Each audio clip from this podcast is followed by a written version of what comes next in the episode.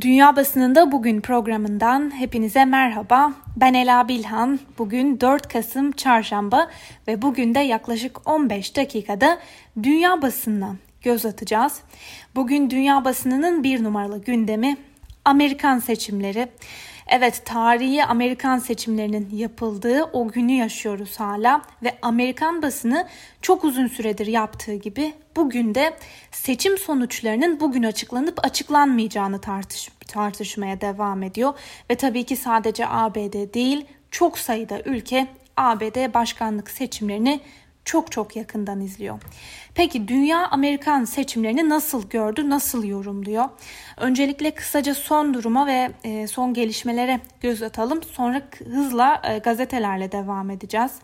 Çoğu medya kuruluşunun tahminlerine göre Biden seçmenler kurulu oylarında hala önde ancak yeni açıklanan sonuçlarla adaylar arasındaki fark erimeye başladı. Amerikalı seçmenler ülkeyi önümüzdeki 4 yıl boyunca yönetecek başkanın yanı sıra 435 üyeli temsilciler meclisinin tamamını ve 100 üyeli senatonun 35 üyesi içinde oy kullandı. Oy sayımı e, birçok eyalette devam ediyor. Sonuçlar hala gelmeye devam ederken bazı çekişmeli kritik eyaletlerde henüz sonuçlarda belli olmadı ve Biden'ın şu an için zafer ilan etmesi veya yenilgiyi kabul etmesi de beklenmiyor. Evet ABD'de başkanlık seçimleri tamamlandı ancak kazanan hala belli değil. Çünkü dediğimiz gibi oy sayımı devam ediyor. Ee, bir yandan da ABD'de seçimler 5 kritik eyalette düğümlenmiş durumda diyebiliriz. Yarışın başa baş gidiyor olması kazananın tahmin edilmesini de şu an için zorlaştırmış durumda. İşlerin bu noktaya gelmesinin nedenleri Biden'ın anketlerdeki beklentilerin aksine oy patlaması yapamaması, e, zaferini erken ilan etmesini sağlayacak kritik eyaletleri kazanamaması, Trump'ın beklenenden daha iyi bir performans göstermesi ve sonucu belirleyecek olan birkaç eyalette e, oy sayım işleminin devam etmesi olarak sıralayabiliriz. E, ilerleyen saatlerde seçim sonuçlarını oyların mı yoksa mahkemelerin mi belirleyeceğini hep birlikte göreceğiz. Fakat başlarken belki dün aktardığımız bir analizi de hatırlatmakta, tekrar etmekte fayda var.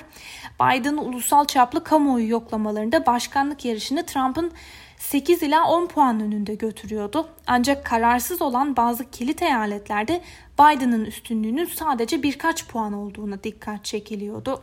Seçimin başa baş gittiği bu eyaletleri kazanmak seçiciler kurulundaki 538 delegenin 270'inin oyunu alıp başkan seçilmek için hayati bir önem taşıyor ve bu durum tüm oy pusulalarının sayılıp onaylanması tamamlanana kadar seçimin resmi sonucunun açıklanmasının da gecikmesi olasılığını arttırıyor. Peki gazeteler bugün ilk sayfalarına ne taşıdı? New York Times gazetesi manşetine şu sözleri taşımış. Kaos halindeki ABD kararını verirken oylar gerilimle açılıyor ve gazeteye göre seçimin sonuçlanması günler sürebilir. New York Times'ın bir analizine göre de elde edilen son veriler ekonomik verilerin salgına karşı daha büyük öneme sahip olduğunu gösterdi. Ama tabii ki hangisinin daha önemli olduğuna ilişkin görüşler apaçık partizan çizgilere dayandı. Yani özetle seçmenlerin ekonomik kaygıları bu seçimlerde ağır bastı. Washington Post'un manşetinde karşımıza şu sözler çıkıyor. Bölünmüş bir millet, başa baş giden bir seçim yarışı, krizler nedeniyle partizanca kutuplaşmış bir halka işaret ediyor. Bu arada gazete aynı zamanda uzun süren gerilim ve korku ikliminin ardından seçim gününün büyük ölçüde barış içinde geçtiğine işaret ediyor şu anki sürece kadar. Gazetenin aktardığı bir diğer haberde de seçim gününün sosyal medya şirketleri içinde önemli bir sınav olduğu belirtilmiş. Seçmenler erken zafer açıklamaları, yalan haberler, şiddet tehditleri, yanlış anket sonuçları gibi yanıltıcı birçok belge, bilgi ve paylaşıma maruz kaldı. Gazetenin yorum köşesinde ise seçim sistemi ele alınmış. Michelle Norris şöyle yazmış. Umarız bu seçim ülkede oy verme biçimimizi ve yeni sistemi kalıcı olarak değiştirmeye yol açar. Voice of America'nın bir e, haberiyle devam edelim. Edison araştırmanın sandık çıkışı anketlerine göre ülke çapında beyaz olmayan seçmenlerin %25'i oyunu Trump'tan yana kullandı. Bu oran 2016 yılındaki seçimlere göre %4'lük bir artışa işaret ediyor. Üniversite diploması olmayan beyazların %62'si Trump'a oy verdi ve bu oran 4 yıl öncesine göre %4 düştü. İleriki yaştaki Latin Amerikalı kökenlilerin %40'ı tercihini Trump'tan yana kullandı. 2016 yılındaki oylara göre bu rakam %25'lik bir artışa işaret ediyor.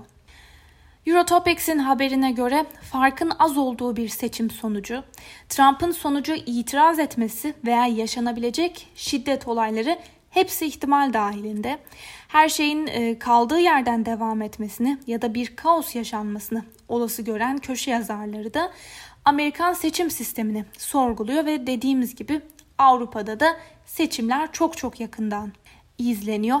Örneğin Hollanda basınından da Telegraph seçimlerin ardından kargaşa çıkmasından endişeli. Demokrasi bayramı bir şiddete dönüşebilir bu ülke daha önce hiç bu kadar kutuplaşmamıştı. Seçim yolsuzluğu, seçim sandıklarına saldırılar, seçmenin tehdit edildiği haberleri geliyor. Gelişmekte olan bir ülke bile bu oylama sistemiyle daha az sorun yaşardı. Tek umudumuz her zamankinden daha fazla seçmenin sesini duyurmaya karar vermiş olmasıdır. Hızlı ve kesin bir sonuç yangını söndürebilir. Avusturya basınından Wiener Zeitung gazetesi ise Avrupa Birliği'nin tutumunu ele almış. Şöyle diyor. Seçim gecesi kazandığını ilan eden bir Trump'ı yasal başkan kabul edebilecek miyiz? Veya şiddet olaylarında insan hakları ihlalleri yaşanırsa ne yapacağız? Avrupa Birliği aceleci davranmayıp bütün oylar sayıldıktan ve adaylardan biri kaybettiğini açıkladıktan sonra yeni başkanı tanımalı. Yüksek mahkemeye itiraz edilecek olursa mahkeme kararını beklemeli ve başkanı o zaman tanımalı. Alman Süddeutsche Zeitung gazetesi ise çokça tartışılan Amerikan seçim sistemini ele almış. Gazeteye göre başkanlık yarışında tek amaç Amerikalıların çoğunluğunu arkanızda toplamak olsaydı Montana veya nüfus yoğunluğu az bir dizi başka eyaletin oyları kale alınmamış yani boşa gitmiş olurdu. Yani ABD topraklarının üçte ikisi bu seçimde dışlanmış olurdu. Bunun sonucunda siyasi içerikler büyük ölçüde kaybolacak.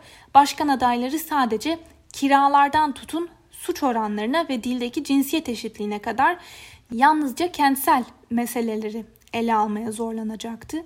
O zaman zaten geri kalmışlık duygusuna sahip ve kent hayatını anlamayan kırsal nüfusun endişelerini anlamaya yer kalmaz ve toplumdaki kutuplaşma daha da derinleşirdi. Yine Alman basınından Die Welt gazetesi ise şöyle yazmış. ABD'de şu an şu tabloda her ihtimal tartışılıyor.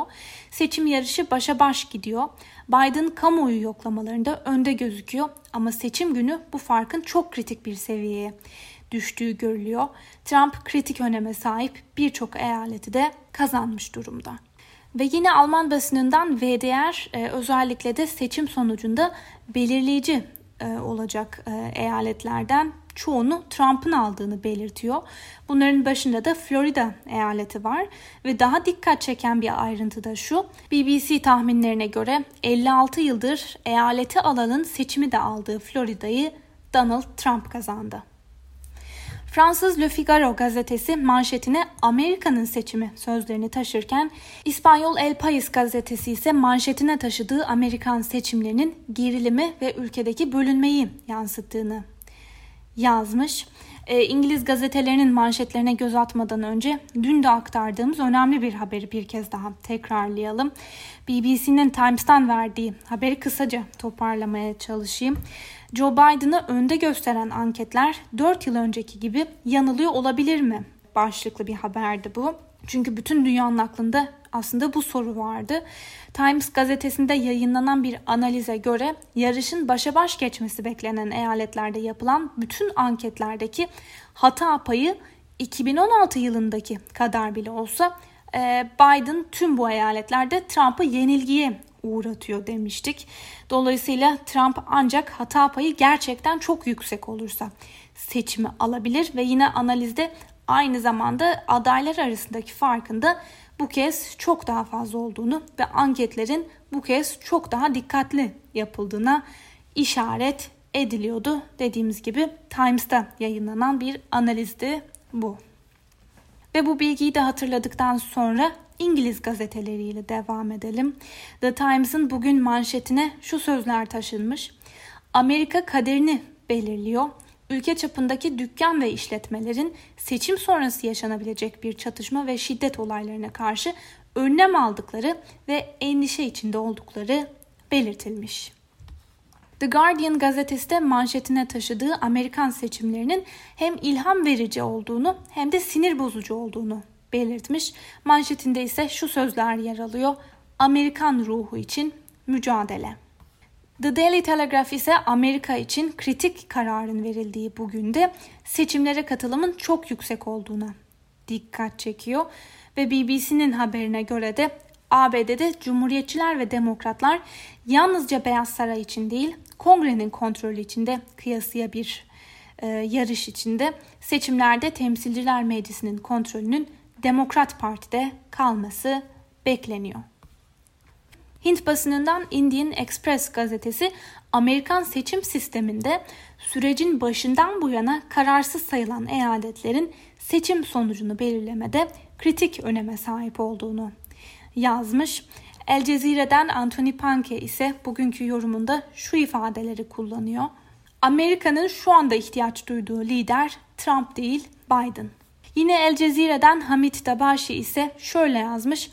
Trump bütün bu sürecin sonunda kazansın ya da kazanmasın Trumpçılık veya Trumpizm denilen şey ABD'nin ayrılmaz bir parçası olarak kalacaktır. El Cezire'den Sina Tosi ise seçimin İranlı Amerikalılar için ne anlama geldiğini açıklıyor. İranlı Amerikalıların Trump yönetiminde karşı karşıya kaldığı zorluklar Amerikan demokrasisinin nasıl bir krizde olduğuna dair önemli bir gösterge. Amerika'nın tarihi seçimlerine ilişkin aktardığımız bu haber ve yorumların ardından e, kalan son 2-3 dakikamızı da seçimler dışındaki önemli birkaç gelişmeye göz atarak değerlendirelim. Bugün BBC'nin gündemine taşıdığı önemli bir haber vardı. Tayvan basınında Erdoğan'a ilişkin dikkat çeken bir haber paylaşılmış. Cumhurbaşkanı Recep Tayyip Erdoğan'ın Cuma günü İzmir'de yaşanan depremin ardından yardım teklifinde bulunan ülkelere teşekkür ettiği tweet'i silmesi Tayvan basınında yankı buldu.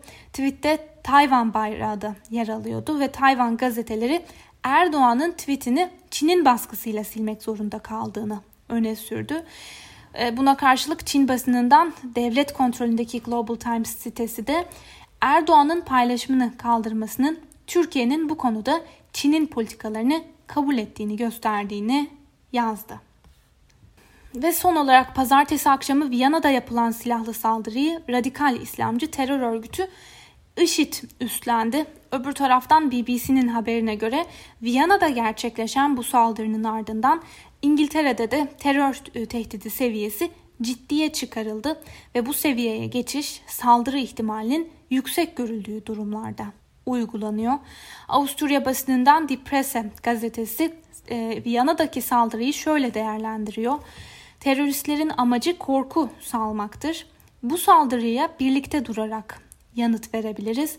Radikal İslamcılar kültür savaşlarını tahrik etmek istiyor. İslam düşmanlığını beslemek onların işine geliyor. Çünkü bu şekilde ılımlı Müslümanları da kendi yanlarına çekmek istiyorlar. İçinde bulundukları öfkeyle hedefi şaşanlar teröristlere destek olur. Sevgili Özgürüz Radyo dinleyicileri, Avusturya basınından, Die Presse gazetesinden aktardığımız bu yorumla birlikte bugünkü programımızın da sonuna geldik. Yarın aynı saatte tekrar görüşmek dileğiyle. Şimdilik hoşçakalın.